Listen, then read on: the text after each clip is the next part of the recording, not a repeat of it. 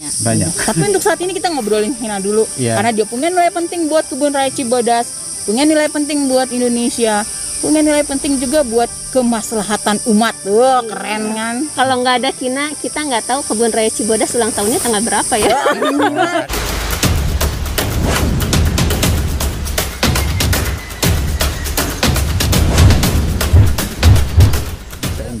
Selamat pagi Baraya Tukang juga. Kebun. kamera juga sih. Berjumpa lagi dengan kami eh, host podcast Tukang Kebun.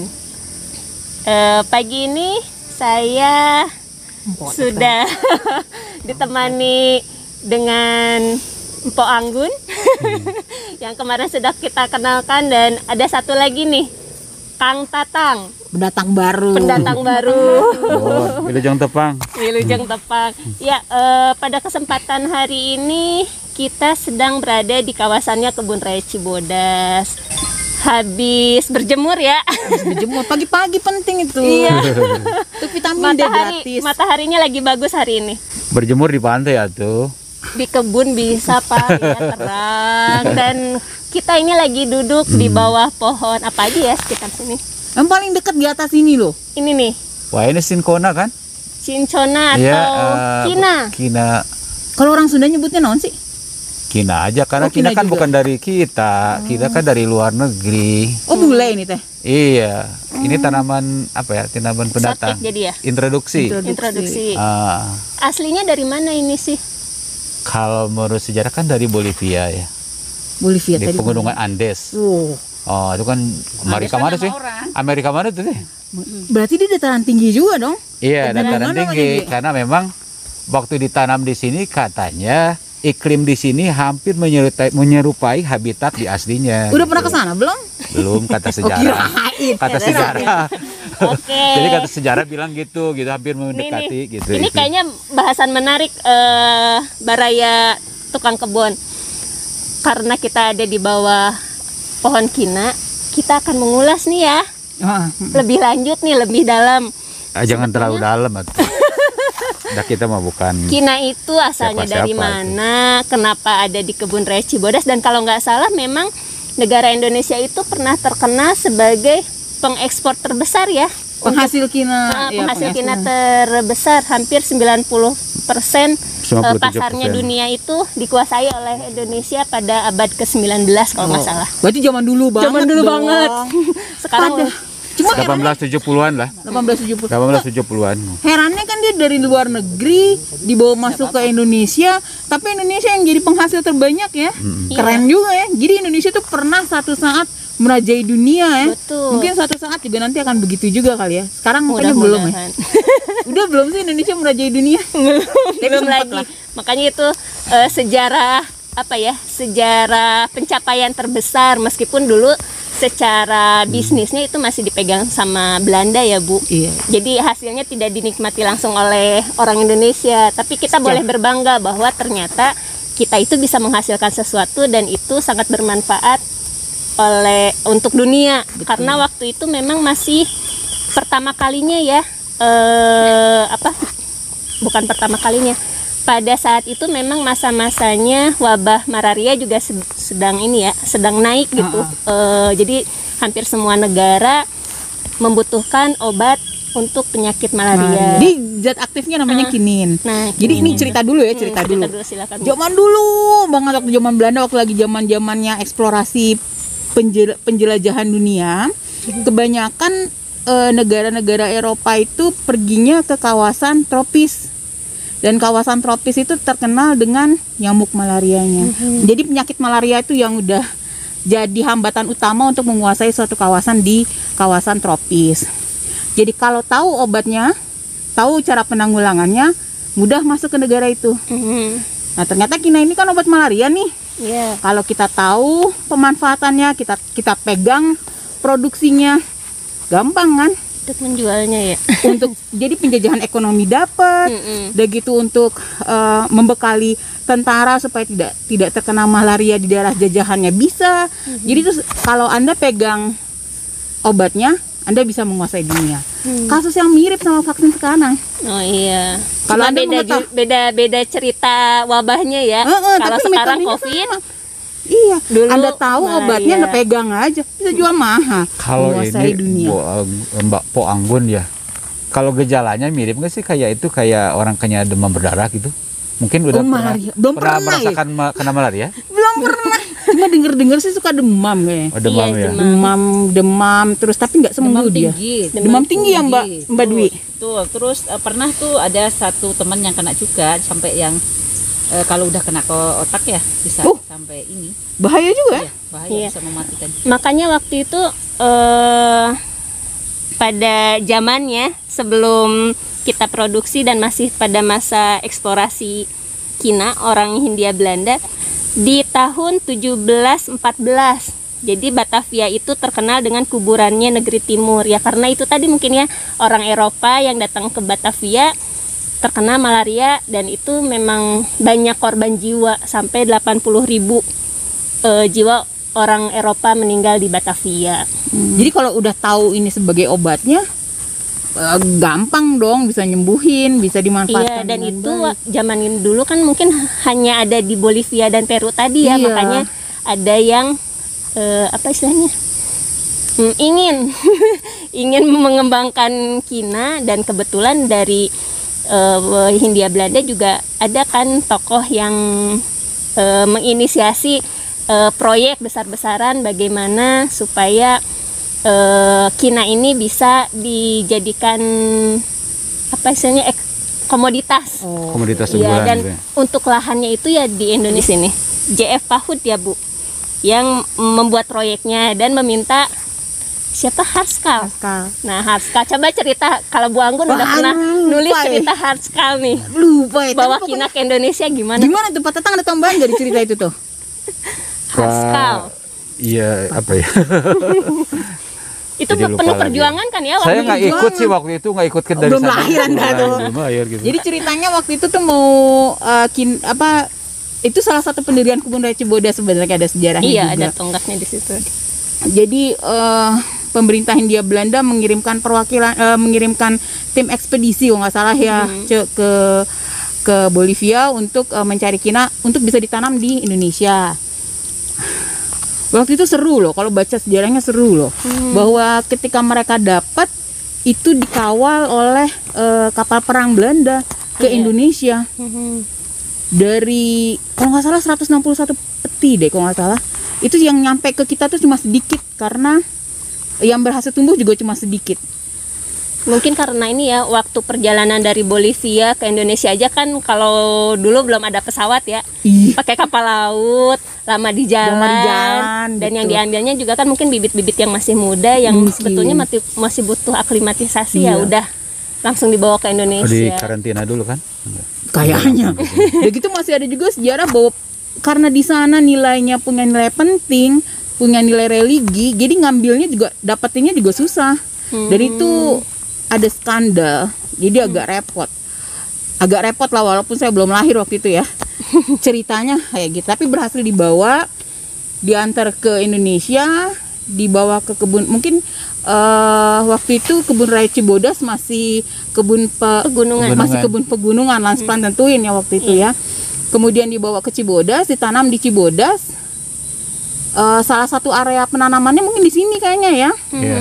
Di kawasan tempat kita duduk sekarang kayaknya ya Iya, ini salah satu dua koleksi yang ada di sini. Yang Tapi satu lagi ada iya. lagi di sana. Ah, tapi Cuma bukan yang ini. Bukan. ini mah udah anak cucu cicit yang keberapa kali ya Dulu itu kan jenisnya di kali saya, Bu. kali saya Jadi sinkronnya kali saya. Hmm. Sekarang yang ini yang di belakang kita ini ah, di- ini bukan pubesken. apa? Oh, udah pubes. Jadi pubesken. Jadi di kita tuh eh, di kita di Cibodas ini yang paling tertua aja eh, 91 tahun. Artinya kan berarti bukan pohon induk yang dulu. ya. 91 Iya. tahun Itu ditanam 1930. Itu yang pubesken sebelah sana. oh di atas Ah, sebelah sana. oh masih ada dia Ada, tapi itu pubesken. Jadi berarti kali Oh. saya yang awal itu berarti sudah di karena memang pada tahun 1864 itu kan Jung Hun itu punya ide ya untuk memindahkan hmm. memindahkan tanaman koleksi apa sinkona ke Cinyiruan Bandung. oh di Bandung Ah, Bandung. Nah, Bandung Selatan Ya. ya. Jadi di sana lah berkembangnya kina itu kan mungkin dari di Bandung itu kan. Iya Oh, mulai Jadi yang membawanya Harskal dibawa ke sini dikembangkan oleh Jung Hun, tetapi Eh, dari Cibodas. Tesman dulu mungkin Oh, Bu. Tesman Ah, dulu. Tesman. Hmm. Oh iya, Ya, Tesman karena- yang menanam pertama ah, yang menjadi tonggak ulang Ah, tahunnya Cibodas ya, ah, 11 Desman. April. Berapa? Nah, 1852. Nah, nah 1864 Chung Hun itu ya punya karena dia pergantian penguasa atau pimpinan lah gitu ya. Jadi karena Yung Hun yang dikuasakan di sini dia punya punya ide ah, bukan dia pem- pemikirannya itu ya, karena memang di sini katanya lapisan tanahnya lapisan humusnya tipis. Mm. Jadi tidak Mungkin cocok. lebih ak- eh, aklimatisasi cukup di sini, Iya. tapi untuk produksi mungkin lebih bagus kali di sana kali Iya. ya. Tapi Cibodas itu jadi cikal bakal penanaman kina di Indonesia. Jadi punya nilai punya nilai historis lah jadi jadi jadi punya apa Oh, nih, jadi punya peran penting. penting lah Oh, uh, untuk uh, apa namanya penanaman kina di Indonesia karena memang awalnya ditanam di sini Oh, 1952. Oke. Ini banyak manfaatnya loh kalau nggak salah nih. Eh, Apa sih sebenarnya yang dipakai untuk obatnya? Kulit, Kulitnya Kulitnya diapain? kulitnya Yang ya. dikeringkan. Dikeringkan, direbus. Iya, diekstrak dari kulitnya. Oh, Untuk diekstrak eh, kulitnya. obat kina itu yang diekstrak dari kulitnya. Kayu manis juga kayak gitu kan ya? Dari kulitnya juga kulit batang kan ya? Mm-mm. Kulitnya tebal berarti nih, sering Iya. dicolek-colek. Mm-mm. Pak Tatang kulitnya tebal nggak? Jarang dicolek. Iya, menarik banget ya cerita Kina sampai jadi sejarah hari lahirnya kebun raya Cibodas Iya. karena saking bernilainya Kina pada saat itu pada ya. saat itu. Kalau saat ini memang ada ada itu ada obat lain selain kina yang bisa menggantikan. Sekarang ada artifisialnya sih sebenarnya. Oh, gitu. Oh, Sudah ada secara obat kimia, Pak. obat kimia eh, sintetiknya udah ada. Hmm. Tapi kemarin sempat ribut. Pernah nggak waktu awal-awal COVID dulu? Mm-mm. Kina tuh sebagai obat COVID dulu sebagai Iya, alternatif itu ya. di yang peneliti Wuhan yang buat Oh, yang buat penelitiannya ya. Oh iya. Tapi Iya, nggak lama. tahu kelanjutannya apakah itu sudah dilanjutkan Ah, lagi nggak penelitian tahu. atau enggak. Habis itu kita saya nggak belum denger update lagi, emang. Tapi sempat heboh loh teman-teman Iya. pada nyari mahal lagi. Iya. Sayang kita koleksinya cuma sedikit. kita sedikit dan Iya. ini kan sebetulnya eh, ketika masa perjuangan eh, jadi kemunduran produksi kina itu ya terkait dengan masa kemerdekaan bu Eh kenapa udah merdeka malah? Waktu perjuangannya waktu menuju tahun 45-nya Oh. karena yang dulunya perkebunan-perkebunan dikuasai oleh Belanda ketika Belanda kalah kan diambil sama pribumi nih. Tetapi karena memang secara networking penjualan bisnisnya ada orang-orang Belanda yang punya jadi kita kehilangan. Oh, kehilangan akses. Iya jadi perkebunannya juga mulai banyak yang dialihfungsikan lebih banyak ke teh daripada kina padahal dulu teh dengan kina itu selalu berdampingan di mana ada teh selalu ada kina Gambung kan masih deh kalau nggak salah ya. yang sekarang masih tapi udah kayaknya udah nggak ekspor deh Udah nggak ekspor ya. Nanti kapan-kapan kita main ke Gambung lah. Mm-mm. Kayaknya lu- oke di situ Iya lihat. sebetulnya sejarah Kina ini banyak sejarah yang apa jadi eh, heritage juga untuk tempat-tempat lain kayak pabrik Kinanya yang di Bandung jalan di Jalan Pajajaran. Oh, orang Bandung mah tahu. Iya. Orang Bandung ngerti. Ya kan sekarang udah berubah jadi ini jadi miliknya Kimia Farma. Oh, sekarang miliknya Kimia Dulu Farma. itu adalah pabriknya yang di Bandung, pabrik Kina yang dikelola oleh orang Belanda di Indonesia itu di Bandung. Gitu. Tapi tahu nggak? Ini ada Kang Udo. Udah lihat udah, udah kenal sama Kang Udo belum? Kang Udo yang sebelah situ tuh, Wi. Mbak Dwi. Liatin. Kang Udo ini eh, juragannya kebun. Ya. Iya. Yang menguasai kebun eh, pemeliharaan kebun kemarin masih eh, Kang Sudo. Manggilnya Kang Udo lah, panggilan Iya. kesayangan. Aku saya Bentar boleh ya. saya lihat ya sebentar ya. Atau kamu ke mana? Aduh, kangen kina nih. Mau lihat kulitnya. Daun mudanya tuh merah ya Kina. Iya, daun mudanya merah. Bentar ya. Kang Udo, kumaha Kang Udo? Gimana pemeliharaannya Kang Udo? Hah?